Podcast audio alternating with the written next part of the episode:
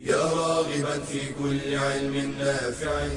ينمو العلم ويتقدم بتقنياته ومجالاته ومعه نطور أدواتنا في تقديم العلم الشرعي. أكاديمية زاد. زاد أكاديمية ينبوعها. صاف صاف ليروي غلة الظمآن. هذه عقيدتنا الصحيحة فطرة تنفي الشكوك بواضح البرهان. بشرى لنا زاد أكاديمية للعلم كالأزهار في البستان. السلام عليكم ورحمة الله وبركاته. الحمد لله نحمده ونستعينه ونستغفره ونعوذ بالله من شرور أنفسنا ومن سيئات أعمالنا. من يهده الله فلا مضل له ومن يضلل فلا هادي له. وأشهد أن لا إله إلا الله وحده لا شريك له وأشهد أن محمدا عبده ورسوله. صلى الله عليه وعلى آله وأصحابه ومن سار على نهجه واقتفى أثره إلى يوم الدين. ثم أما بعد فأكرر الترحيب بالإخوة والأخوات المشاركين في متابعة هذه المسجلين في أكاديمية زاد العلمية. زادهم الله توفيقا وإيمانا وتسديدا. وتقى. ثم ما بعد. فكانت المحاضرة السابقة عن شيء من بيان أهمية توحيد الإلهية ومكانته ومنزلته من دين الله سبحانه وتعالى. وذكرنا فقط مجرد يعني إشارات إلى شيء من هذه الأهمية وإلا فإن الحديث لا يمكن استيعاب كل فضائل ومكانة وأهمية هذا التوحيد. لكننا بين يدي حديثنا الآن عن شروط لا إله إلا الله والكلام في كلمة الإخلاص.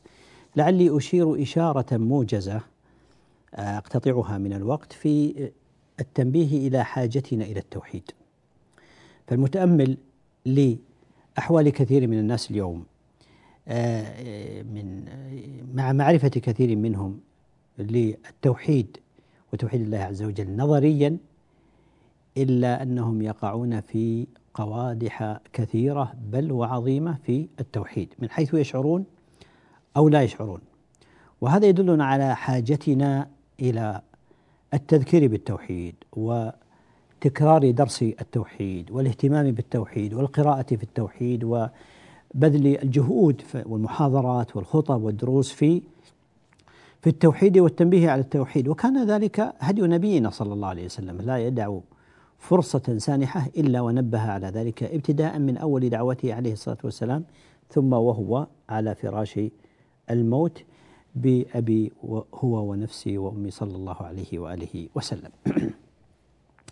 ومن هذه الأمور الدالة على حاجتنا الماسة إلى التوحيد أولا ظهور كثير من البدع والخرافات في كثير من بلاد المسلمين وهذا أمر مشاهد وملاحظ وما ذاك إلا لجهلهم بالتوحيد وحقيقته. فظهرت في كثير من بلاد المسلمين للأسف بعض مظاهر البدع والخرافات والأمور التي تنافي إما أصل التوحيد أو تنقص من تحقيقه وكماله الواجب. كذلك ما نلاحظه اليوم من الجرأة على المعاصي وضعف التدين وارتكاب المعاصي والمجاهرة بها للأسف. وهذا دليل على ضعف التوحيد في قلوب الناس. وقد قال الله عز وجل ألم أعهد إليكم يا بني آدم ألا تعبدوا الشيطان إنه لكم عدو مبين وأن اعبدوني هذا صراط مستقيم؟ ومعلوم أن الناس ما كانوا يسجدون للشيطان ولا يركعون وإنما كانوا يطيعونه في معصية الله. وهذا أمر نلاحظه ونراه في واقع المسلمين إلا من رحم الله والله المستعان. كذلك وقوع كثير منهم في عبادة الدينار والدرهم. فالحلال ما حل في جيبك والحرام ما حرمت ما حرمته يداك. وهذه قضية خطيرة فيها جانب من نقص التوحيد والتوكل على الله عز وجل وتعلق القلب بالله عز وجل فتعلقت القلوب في كثير عند بعض الناس إلى الدنانير والدراهم. والله المستعان. وقد قال النبي صلى الله عليه وسلم تعيس عبد الدينار تعيس عبد الدرهم. فجعله عبدا له. لماذا؟ لتعلق قلبه بذلك. وهذا قدح ونقص في التوحيد. كذلك وقوع كثير من الناس بل حتى من طلبة العلم ومن غيرهم ونسأل الله العفو والعافية وأن يغفر لنا وهو الوقوع في الشرك الخفي من حيث يشعرون ومن حيث لا يشعرون. من باب الخوف والرجاء لغير الله عز وجل من باب المحبة والتأله لغير الله عز وجل من باب شرك الأسباب والتعلق بالماديات والتوكل عليها وهذا أمر ظاهر وجلي إلا من رحم الله. شرك الإرادة والقصد وطلب الدنيا بالدين وغيرها من الأمور الكثيرة المنتشرة في واقع الناس وهي من قوادح التوحيد ونواقصه. ودليل على أن الأمر في غاية الخطورة. أما عبادة الهوى فالله المستعان. ومن ينجو من هذا الأمر من هذا الشرك الخفي نسأل الله العافية والسلامة. والله عز وجل يقول أفرأيت من اتخذ إلهه هواه؟ وأضله الله على علم وختم على سمعه وقلبه وجعل على بصره غشاوة فمن يهديه من بعد الله؟ أفلا تذكرون؟ الله المستعان. حاجتنا إلى التذكير. أفلا تذكرون؟ ولهذا يقول الحسن البصري رحمه الله تعالى قال هو الذي لا يهوى شيئا إلا ركبه. وقال قتاده هو الذي كلما هوى شيئا ركبه وكلما اشتهى شيئا أتاه. لا يحجزه عن ذلك ورع ولا تقوى. والله المستعان. كذلك وقوع بعض الناس في الشرك الصراح. نسأل الله العافية من عبادة الأصنام والقبور والأضرحة وذبح القرابين لها وطلب القضاء الحاجات ودفع الكربات. وهذا شرك صراح وواقع في كثير من بلاد المسلمين. نسأل الله العافية والسلامة وأن يحمي المسلمين وبلادهم من مثل هذه الظواهر. وهذه قد أخبر عنها النبي صلى الله عليه وسلم حتى قال لا تقوم الساعة حتى يعبد فئام من أمة الأوثان وحتى تعبد اللات والعزى. نسأل الله العافية والسلامة. وهذا أمر خطر جدا. سببه الجهل بالتوحيد وتقصير العلماء وطلبة العلم في الاهتمام بهذا الموضوع والأمر الذي هو أخطر ما يكون والتقصير في هذا الجانب من أخطر ما يكون. نسأل الله العافية والسلامة. كذلك تساهل كثير من الناس في الذهاب إلى السحرة والمنجمين والعرافين وظهور التنجيم عن طريق القنوات وغيرها وهذه أمور تقدح في التوحيد. دل ذلك على حاجتنا للتنبيه إلى هذه الأمور وبيان خطورتها وما يترتب على ذلك من هذه الأمور. كذلك من القوادح التي تقع على ألسنة كثير من الناس هي القوادح التوحيد اللفظية كالحلف بغير الله عز وجل وكسب الدهر والأمن من مكر الله سبحانه وتعالى وغياب كثير من مفاهيم الولاء والبراء وهذا أمر في غاية الخطورة. فنحن يجب علينا أن نخشى أن نقع في شيء من الشرك ومن القوادح هذه إما أن تكون من الخفية أو الجلية من الكبائر أو من الصغائر. إذا كان النبي صلى الله عليه وسلم وهو المعصوم بأبيه وأمي صلى الله عليه وسلم كان من دعائه عليه الصلاة والسلام اللهم إني أعوذ بك أن أشرك بك شيئا وأنا أعلمه وأستغفرك لما لا أعلمه ويقول عليه الصلاة والسلام أخوف ما أخاف عليكم الشرك الخفي. فسئل عنه فقال الرياء. من الذي يسلم من هذه الموبقات؟ نسأل الله العافية والسلامة. إبراهيم الخليل عليه السلام الذي حطم الأصنام بيمينه عليه وعلى نبينا أفضل الصلاة وأتم التسليم ماذا كان من من دعائه؟ وجنبني وبني أن نعبد الأصنام. يخشى على نفسه وعلى بنيه من عبادة الأصنام. فأينا يعني لا يخاف أن يقع في شيء من الشرك. فهذه وغيرها من الأمور الدالة على خطورة هذا الأمر ووجوب الحذر والانتباه لذلك. آه بعد ذلك نبدأ في الحديث عن كلمة الإخلاص كلمة التوحيد كلمة لا إله إلا الله وهي حديثنا بعد الفاصل إن شاء الله.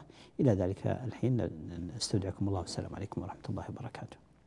بشرى لنا زاد أكاديمية للعلم كالأزهار في البستان.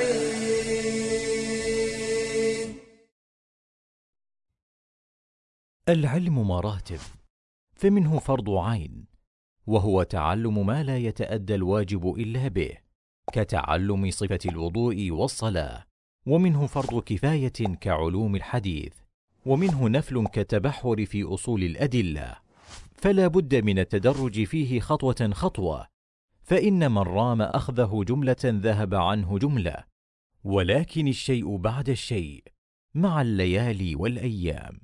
ونراعي الأولويات في التعلم.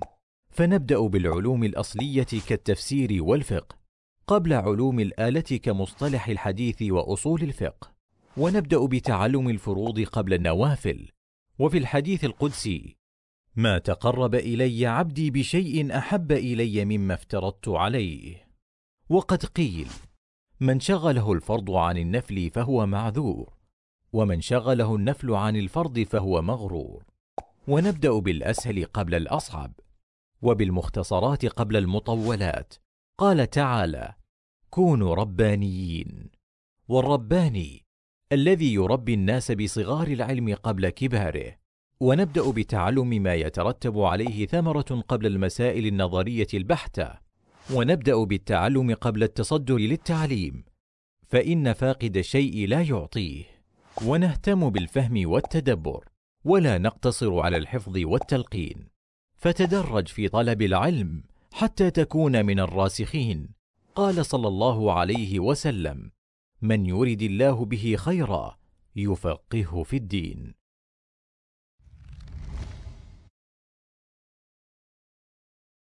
بشرى لنا زاد أكاديمية للعلم كالأزهار في البستان. آه الحمد لله. أشرنا إلى شيء من حاجتنا للتوحيد وهذا أمر في غاية الأهمية يجب أن يكون حاضرا دائما في دروسنا في محاضراتنا في أحاديثنا في يعني في أنفسنا دائما نخشى الله عز وجل ونخشى أن نقع في شيء مما يقدح في التوحيد فإن ذلك هو المهلك. نسأل الله العافية والسلامة. ننتقل بعد ذلك إلى الحديث عن كلمة التوحيد وهي كلمة الإخلاص وهي كلمة لا إله إلا الله. وهي أعظم فريضة فرضها الله سبحانه وتعالى على عباده وهي من الدين بمنزلة الرأس من الجسد كما هو معلوم وأشرنا إلى شيء من آه يعني مكانتها وفضائلها فيما تقدم. من فضائلها كما جاء في حديث عبد الله بن عمر رضي الله تعالى عنهما قال قال رسول الله صلى الله عليه وسلم بني الإسلام على خمس شهادة أن لا إله إلا الله وأن محمدا رسول الله. فهي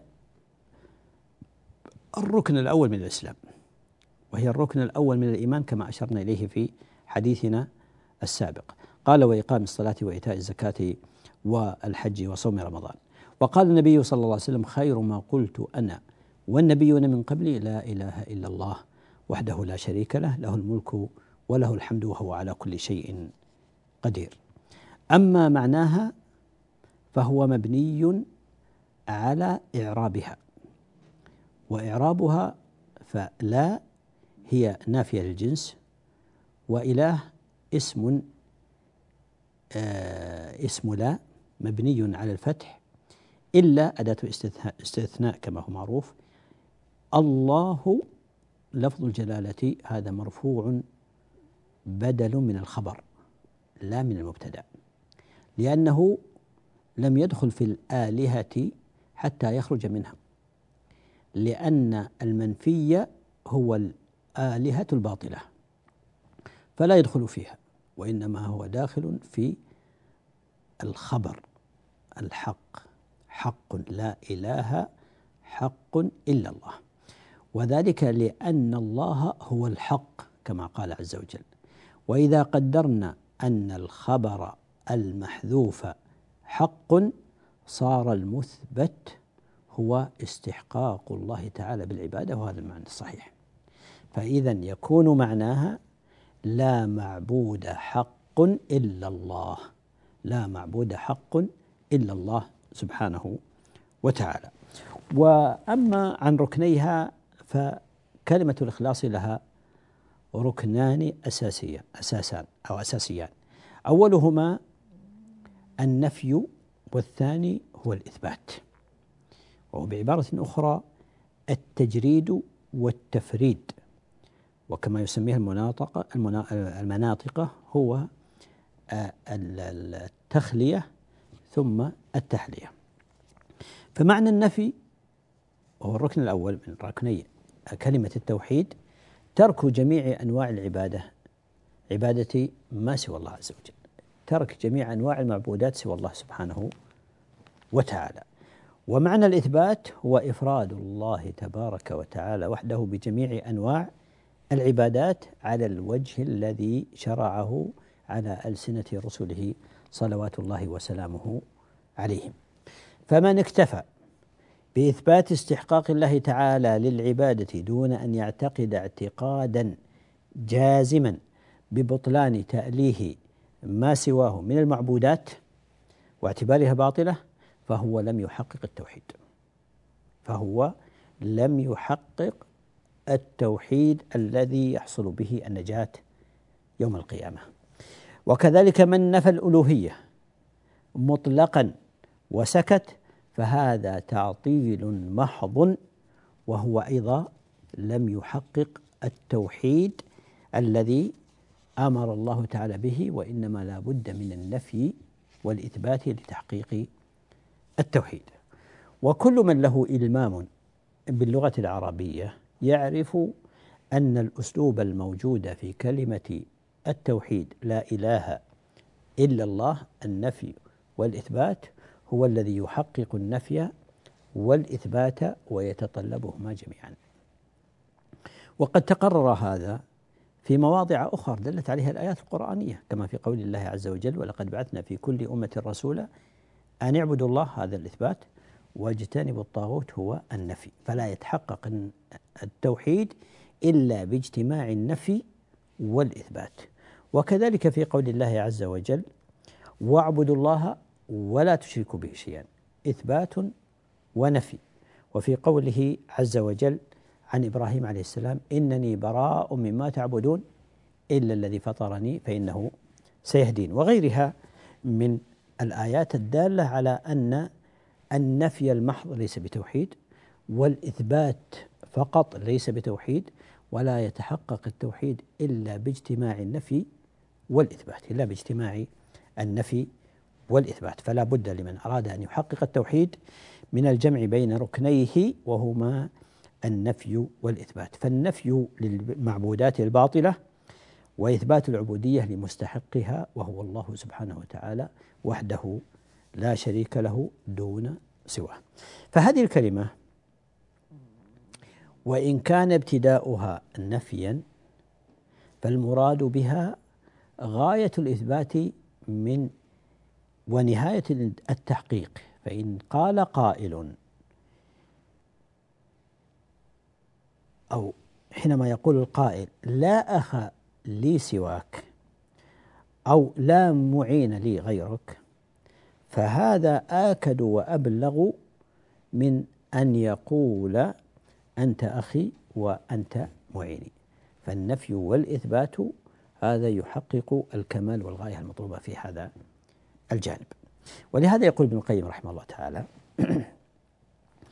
يقول طريقة القرآن في مثل هذا أن يقرن النفي بالإثبات فينفي عبادة من سوى الله ويثبت عبادته سبحانه وتعالى. قال وهذا هو تحقيق وهذا هو حقيقة التوحيد والنفي المحض ليس بتوحيد وكذلك الإثبات بدون النفي فلا يكون التوحيد إلا متضمنا للنفي والإثبات وهذا حقيقة لا إله إلا الله. انتهى كلام رحمه الله تعالى. بقي أن نشير إلى شيء من الطرافة وهي بعض خصائص هذه الكلمة لا إله إلا الله. خصائصها اللفظية. اولا إن حروفها كلها مهملة ليس فيها حرف معجم. والله له الحكمة البالغة. الله أعلم لماذا كان هذا الشيء لكن مما يتلمسه العلماء يقولون قد يكون في ذلك إيماء وتنبيه على التجرد من كل معبود سوى الله عز وجل.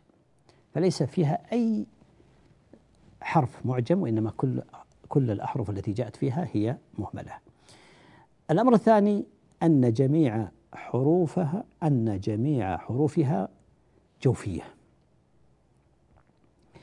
وهذا أيضا من رحمة الله عز وجل فإنها تكون تامة بدون تحريك الشفتين وإنما هي مقتصرة على تحريك اللسان. يقول بعض أهل العلم لعل في ذلك إشارة إلى التخفيف على المحتضر الذي يصعب عليه حركة الشفتين فيكفيه اللهج بتحريك اللسان بهذه الكلمة لا إله إلا الله ولا يحتاج إلى تحريك الشفتين والعلم عند الله عز وجل. ثم كما قلنا وأشرنا في في إعرابها إن خبرها محذوف وتقديره حق وهذا يحسن حذفه في اللغة إذا كان معلوما. لدى السامع فيكون المعنى لا معبود حق إلا الله تبارك وتعالى. آه، بقي أن نشير إلى أهم شروط هذه الكلمة. لأن هذه الكلمة ليست كلمة تلوكها الألسنة من غير التزام بمقتضاها وبلوازمها وبشروطها من أجل أن تنفع وأن آه، تؤدي الثمرة المرجوة منها. لما قيل لوهب بن المنبه آه، رحمه الله تعالى قيل له أليست لا إله إلا الله مفتاح الجنة؟ قال بلى ولكن ما من مفتاح إلا وله أسنان. فإن جئت بمفتاح له أسنان فتح لك وإلا فلا. فدل ذلك على أنه لا بد من توفر شروط لا إله إلا الله من أجل أن أن تؤدي إلى يعني ثمرتها وقيمتها وتنفع القائل والمتكلم بها والمتلفظ بها. فاصل ثم نعود بعد ذلك لاستكمال الحديث عن شروط لا إله إلا الله. نسأل الله عز وجل أن يجعل آخر كلامنا من الدنيا لا إله إلا الله أن يرزقنا تحقيق لا إله إلا الله إنه ولي ذلك والقادر عليه والله أعلم. والسلام عليكم ورحمة الله وبركاته. بشرى لنا زاد أكاديمية للعلم كالأزهار في البستان.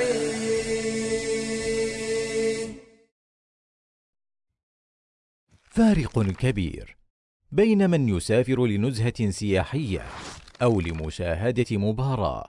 وبين من يسافر لطلب العلم فالرحلة لطلب العلم موصلة إلى سعادة الأبد.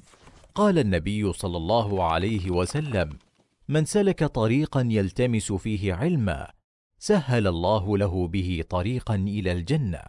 وبالرحلة يلقى الطالب العلماء وينوع المشايخ ويقارن بين المناهج ويجدد نشاطه ويزيد خبراته. قال الشعبي لو أن رجلا سافر من أقصى الشام إلى أقصى اليمن فحفظ كلمة تنفعه رأيت أن سفره لا يضيع وهل من شيء أشرف من العلم يرحل في طلبه وقد رحل موسى عليه السلام في ذلك رحلة شاقة. وإذ قال موسى لفتاه لا أبرح حتى أبلغ مجمع البحرين أو أمضي حقبا. ورحل الصحابة والعلماء من بعدهم في طلب العلم المسافات حتى سافر بعضهم شهرا في طلب حديث واحد وقطع بعضهم في طلبه أكثر من خمسة آلاف كيلو. سيرا على قدميه. فإن عجزت عن الرحلة في طلب العلم فلا أقل من التعلم عبر الشبكات والشاشات. قال النبي صلى الله عليه وسلم سددوا وقاربوا والقصد القصد تبلغوا.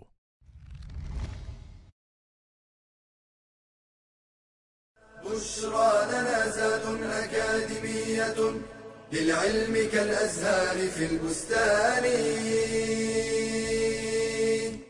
السلام عليكم ورحمة الله وبركاته. أكرر الترحيب بالإخوة المشاهدين والمشاهدات. أشرنا إلى كلام وهب بن منبه رحمه الله تعالى إلى التنبيه إلى شروط لا إله إلا الله. فمن تلفظ بهذه الكلمة من غير الالتزام بمقتضاها والعمل بشروطها وتحقيق شروطها فإنها لا تنفعه. يشار إلى ذلك أيضا ما آه، ورد عن الحسن رحمه الله تعالى الحسن البصري رحمه الله تعالى أنه لقي الفرزدق الشاعر المشهور والمعروف لقيه في المقبرة. فقال له يا أبا فراس ماذا أعددت لهذا اليوم؟ لأن الحسن واعظ رحمه الله تعالى ويستغل المواقف في توجيه الموعظة المؤثرة لمن يحتاج إليها.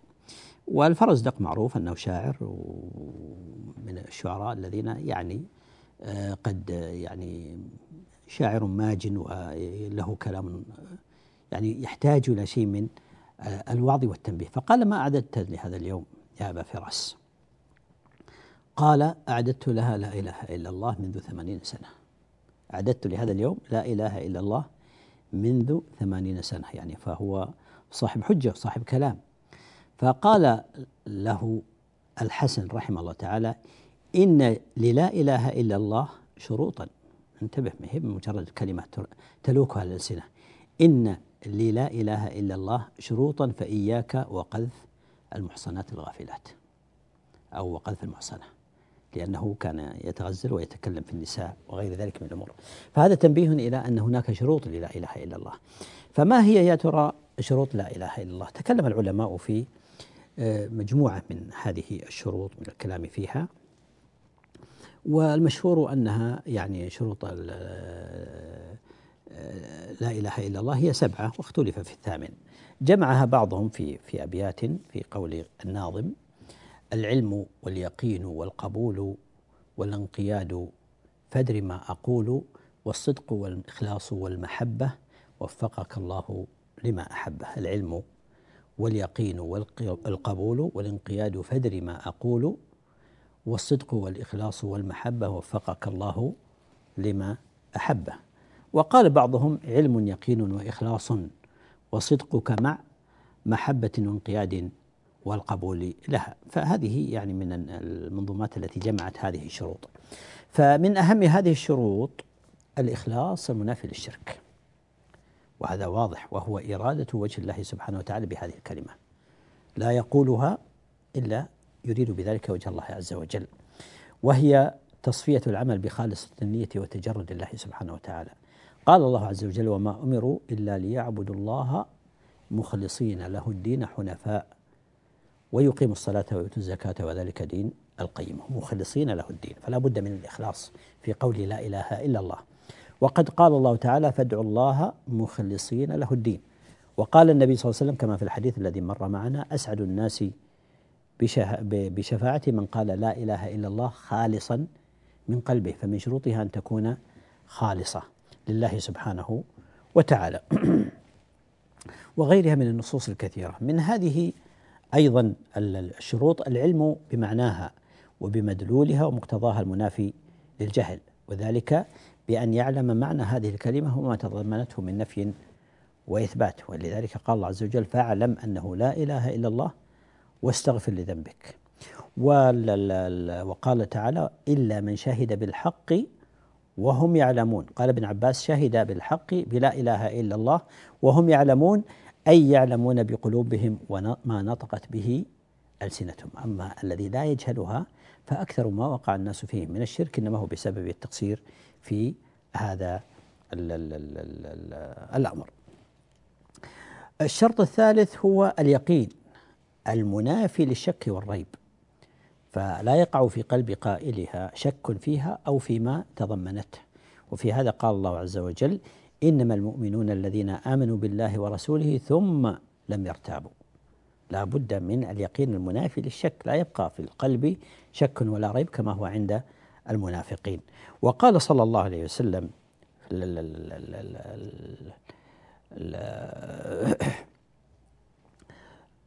أو من هذه الشروط أيضا أجل الوقت لا يسعنا في استكمال الأدلة من شروطها آه، الصدق أو القبول المنافي للرد.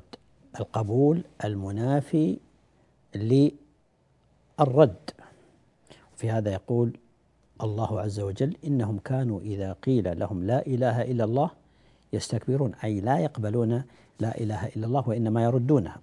وفي الحديث لما ذكر النبي صلى الله عليه وسلم مثل ما بعثني الله به من الهدى والعلم إلى أن قال فذلك مثل من نفعه الله من من مثل من فقه في دين الله عز وجل ونفعه بما بعثني الله به فعلم وعلم ومثل من لم يرفع بذلك رأسا ولم يقبل هدى الله الذي أرسلت به ولم يقبل هدى الله الذي أرسلت به. فالقبول هو المنافي للرد وهذا شرط أساس من آه، شروط آه، لا إله إلا الله. كذلك الانقياد لما دلت عليه ظاهرا وباطنا بأن يكون العبد عاملا بما أراده الله سبحانه وتعالى بما أمره الله تعالى به ومنتهيا عما نهاه سبحانه وتعالى كما قال الله عز وجل فمن يسلم وجهه إلى الله وهو محسن فقد استمسك بالعروة الوثقى وإلى الله عاقبة الأمور. وقال تعالى ومن أحسن دينا من من ممن أسلم وجهه لله وهو محسن. واستنبط العلماء من هذه الآية استنبطوا شرطي العبادة. وقال تعالى أيضا وأنيبوا إلى ربكم وأسلموا له. وقال ولا ربك لا يؤمنون حتى يحكموك فيما شجر بينهم وغيرها من النصوص. قد يتساءل متسائل ما هو الفرق بين القبول وبين الانقياد؟ والظاهر والله أعلم أن القبول غالبا ما يتعلق بالقلب والانقياد ما يتعلق بالجوارح. من شروطها الصدق. المنافي للكذب بأن يقولها صادقا من قلبه. كما قال الله تعالى ومن الناس من يقول آمنا بالله وباليوم الآخر وما هم بمؤمنين بمؤمنين يخادعون الله والذين آمنوا وما يخدعون إلا أنفسهم. وما يشعرون وقال سبحانه وتعالى ألف لام ميم أحسب الناس أن يتركوا أن يقولوا آمنا وهم لا يفتنون ولقد فتنا الذين من قبلهم فلا يعلمن الله الذين صدقوا ولا يعلمن الكاذبين وفي الحديث ما من أحد يشهد أن لا إله إلا الله وأن محمدا عبده ورسوله صدقا من قلبه إلا حرمه الله على النار. كذلك من شروط هذه الكلمة المحبة لكلمة التوحيد وما دلت عليه ومحبة أهلها وبغض ما يضادها من الشرك. كما قال الله عز وجل ومن الناس من يتخذ من دون الله أندادا يحبونهم كحب الله والذين آمنوا أشد حبا لله. وفي الحديث عن أنس آه، في البخاري يقول النبي صلى الله عليه وسلم ثلاث من كن آه، فيه وجد حلاوة الإيمان أن يكون الله ورسوله أحب إليه مما سواهما وأن يحب المرء لا يحبه إلا لله وأن يكره أن يعود في الكفر بعد أن أنقذه الله منه كما يكره أن ينقذ أن يقذف في النار. و فهذه من أهم الشروط لا إله إلا الله. قيل للحسن البصري رحمه الله تعالى إن أناسا يقولون من قال لا إله إلا الله دخل الجنة. فقال من قال لا إله إلا الله فأدى حقها وفرضها دخل الجنة. ومن مقتضى المحبة لها ولأهلها آه، بغض ما يناقضها من الكفار والمشركين. كما قال الله عز وجل لا تجد قوما يؤمنون بالله واليوم الآخر يوادون من حاد الله ورسوله ولو كانوا آباءهم أو أبناءهم أو إخوانهم أو عشيرتهم. فلا بد من الولاء والبراء من المفاصلة.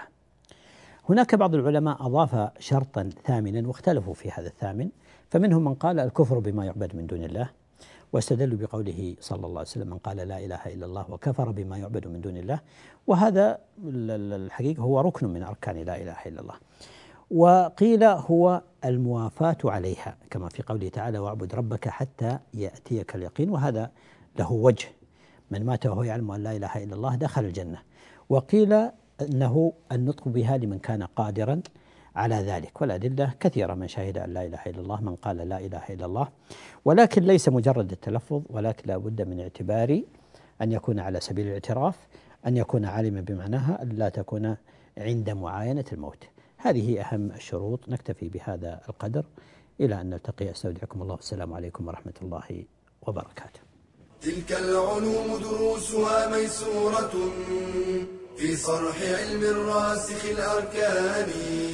بشرى لنا بشرى لنا بشرى لنا زاد أكاديمية للعلم كالأزهار في البستان.